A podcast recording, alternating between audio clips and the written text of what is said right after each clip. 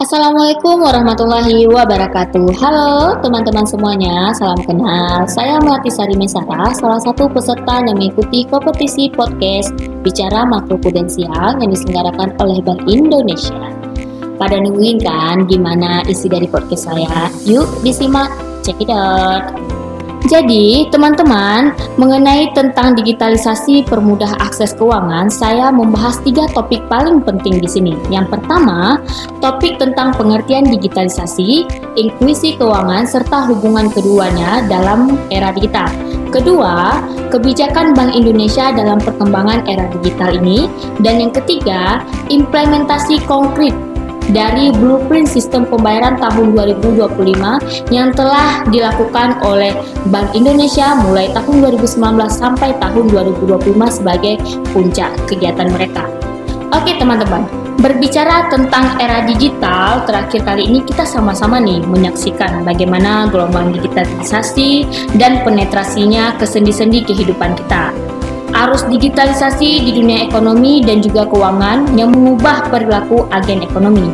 Kini, masyarakat semakin menuntut pelayanan keuangan yang serba cepat, murah, dan juga aman. Pola interaksi antar pelaku ekonomi, baik itu sebagai konsumsi dan juga sebagai pelaku produksi, juga tidak keluar dari pakemnya. Dunia menuju news normal yang tidak lagi sama dengan yang kita kenal, pahami, dan juga raih manfaatnya tanpa kehilangan kewaspadaan selengkapnya. Sejengkal pun, inovasi teknologi adalah salah satu solusi agnostis yang membuat layanan keuangan dalam genggaman tidak lagi berhenti sebagai jargon semata. Kini siapa pun baik itu laki-laki, perempuan, kaya, muda, miskin maupun tua dapat melakukan dan mengakses keuangan dengan cepat. Cukup dengan aplikasi dalam smartphone dan juga terhubung dengan secara online. Digitalisasi membuka pintu lebar yang peluang inklusi ke ekonomi dan juga keuangan bagi seluruh masyarakat. Itu adalah kata pengantar yang pernah diucapkan oleh Bapak Peri Warjio, Gubernur Bank Indonesia dalam buku Bank Indonesia Menavigasi Sistem Pembayaran Nasional di Era Digital dan juga pernah disampaikan pada Festival Ekonomi Keuangan Digital Indonesia beberapa bulan yang lalu. Teman-teman, kita berbicara tentang digitalisasi ini adalah berbicara tentang era digital. Tetapi apakah kalian tahu sebenarnya apa itu digitalisasi? Ya, digitalisasi itu sebuah proses pemberian atau pemakaian sistem digital. Digitalisasi sebuah terminologi untuk menjelaskan proses alih media dari bentuk tercetak, audio maupun video menjadi bentuk digital. Lalu apa itu inklusi keuangan? Berbicara tentang inklusi keuangan adalah ketersediaan akses pada berbagai lembaga, produk, dan juga layanan keuangan sesuai dengan kebutuhan dan kemampuan masyarakat dalam rangka meningkatkan kesejahteraan masyarakat. Itu salah satu pernyataan yang tertera pada peraturan Otoritas Jasa Keuangan nomor 76 garis miring POJK 07 2016 yang dikeluarkan pada tahun 2016 silam. Selanjutnya, tidak hanya pada peraturan OJK teman-teman, ternyata dalam peraturan Presiden nomor 82 tahun 2016 juga membahas tentang strategis nasional keuangan inklusif yang artinya sebuah kondisi di mana setiap anggota masyarakat mempunyai akses terhadap berbagai layanan keuangan, keuangan yang formal dan juga berkualitas, tepat waktu, lancar, dan juga aman dengan biaya yang terjangkau sesuai dengan kebutuhan dan kemampuan masing-masing. Itu adalah kita berbicara tentang digitalisasi dan inklusi keuangan. Hubungan keduanya sangat berhubungan ya teman-teman, karena jika kita berbicara tentang era digital ini, kecanggihan dan kecepatan internet ini memberikan kita untuk bisa tetap menyongsong bagian dari digital, terutama dalam mengakses keuangan yang cepat dan tidak mempunyai kendala, juga termasuk biaya yang terjangkau. Jadi di sini peran Bank Indonesia sangat membutuhkan dan juga sangat berperan penting terhadap perkembangan bagaimana digitalisasi ini dalam akses keuangan. Kebijakan Bank Indonesia dalam perkembangan era digital. Teman-teman pasti bertanya nih, apa sebenarnya kebijakan atau upaya yang telah dilakukan oleh Bank Indonesia dalam perkembangan era digital? Digitalisasi ini memang terus tumbuh nih sejalan dengan berkembangnya transaksi ekonomi dan keuangan digital, mulai dari akseptasi masyarakat untuk berbelanja secara daring hingga tren pembayaran digital dan transaksi digital banking. Perkembangan teknologi yang semakin pesat ini juga mendorong Bank Indonesia untuk mengambil langkah digitalisasi sistem pembayaran. Bank Indonesia mendukung upaya bersama dalam mengakselerasi digitalisasi ekonomi dan keuangan nasional melalui langkah-langkah percepatan digitalisasi sistem pembayaran di antaranya.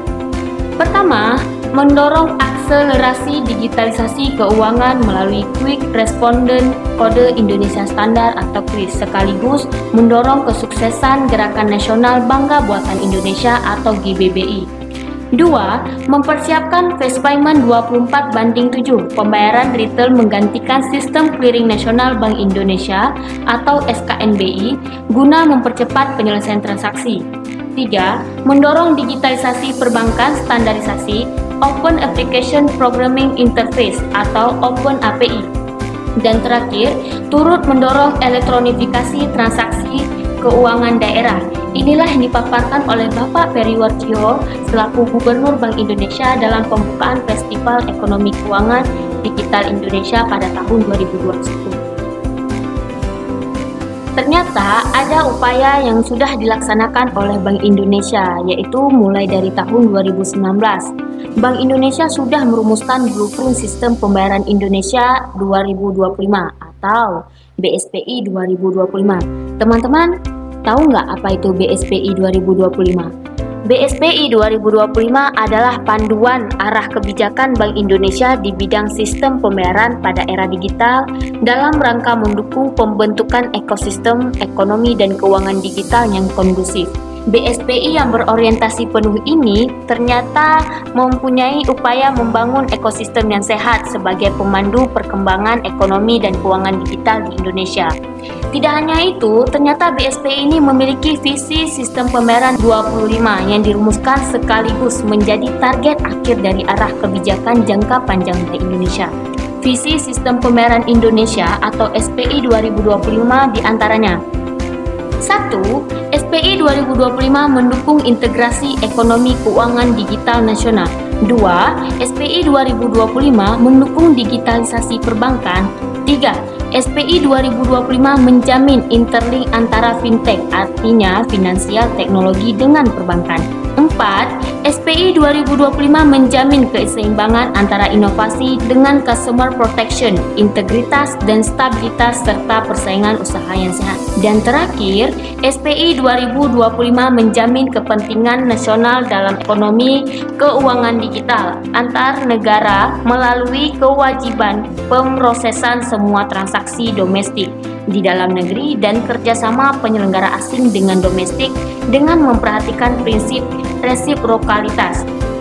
Itu yang terdapat pada buku Menavigasi Sistem Pembayaran Nasional di Era Digital di halaman 3 tahun 2019. BSPI 2025 ini hadir sebagai solusi untuk menjawab tantangan di era digital. Hasil akhir dari BSPI tersebut dipresentasikan oleh visi Sistem Pembayaran Indonesia 2025 yang diwujudkan melalui lima inisiatif. Apa sih lima inisiatif tersebut?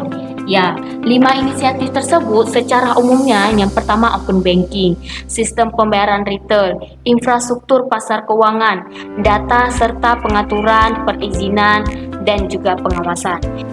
Itulah lima inisiatif tersebut akan diimplementasikan oleh lima working group yang akan berkolaborasi dengan kementerian dan lembaga terkait serta kalangan industri. Lima inisiatif blueprint SPI 2025 akan diwujudkan dalam rentang waktu tahun 2019 dan tahun 2025 sebagai tahun puncaknya. Itulah yang disampaikan pada buku menavigasi Sistem Pembayaran Nasional di Era Digital pada tahun 2020. Topik ketiga, kita membahas tentang implementasi BSPI atau Blueprint Sistem Pembayaran tahun 2005 sebagai salah satu upaya dalam mempercepat dan memperluas akses keuangan. Apa sih implementasi nyatanya? Itu pasti pertanyaan dari teman-teman.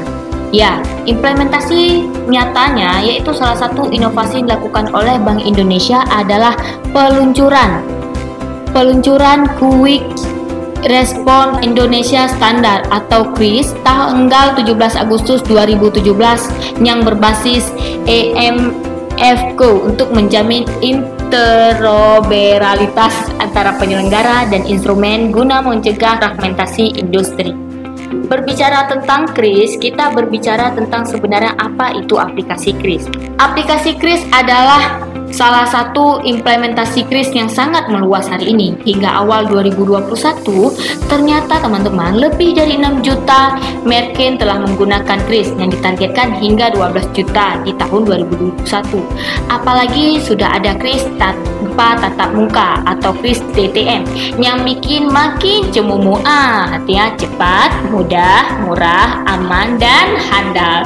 Itulah salah satu bukti konkret yang diimplementasi BSPI 2025. Teman-teman, bahkan kris ini juga telah ditetapkan sebagai salah satu metode pembayaran di berbagai sektor, sehingga mendorong efisiensi perekonomian. Manfaat yang diperoleh dapat digunakan untuk tiket elektronik pariwisata, pendidikan, pesantren, transportasi, parkir, retribusi elektronik pemuda atau pemerintah daerah, donasi sosial, dan juga keagamaan. Harapannya tentu akan terwujud efisiensi perekonomian, mempercepat keuangan inklusif, dan meningkatkan daya saing industri serta memajukan UMKM. Jadi, apa pun metode bayarnya tetap rupiah dong mata uangan. Sudah nggak ada alasan ya buat teman-teman nggak menggunakan rupiah, apalagi sudah banyak sekali pilihan metode transaksinya. Itulah salah satu nyatanya bahwa KRIS sebagai metode pembayaran pada saat era digitalisasi yang sangat berkembang. Teman-teman, dari beberapa topik yang sudah saya bahas, kesimpulannya adalah bahwa digitalisasi ini memberikan kita percobaan. Arti katanya untuk bisa menciptakan sebuah aplikasi yang murah, mudah, cepat, dan terjangkau biayanya dalam mengakses keuangan. Di sini, upaya yang telah dilakukan Bank Indonesia dengan merumuskan BSPI 2025 atau Blueprint Sistem Pembayaran tahun 2025 sebagai puncak waktunya. Dan hasil dari implementasi konkret dari perumusan BSPI ini adalah peluncuran Quick Code Response Standar Indonesia sebagai alat pembayaran digital. Demikian isi podcast dari saya, lebih dan kurang saya mau maaf. Burung Nuri, Burung Cendrawasi, cukup sekian dan terima kasih. Wabillahi taufiq wal hidayah. Wassalamualaikum warahmatullahi wabarakatuh.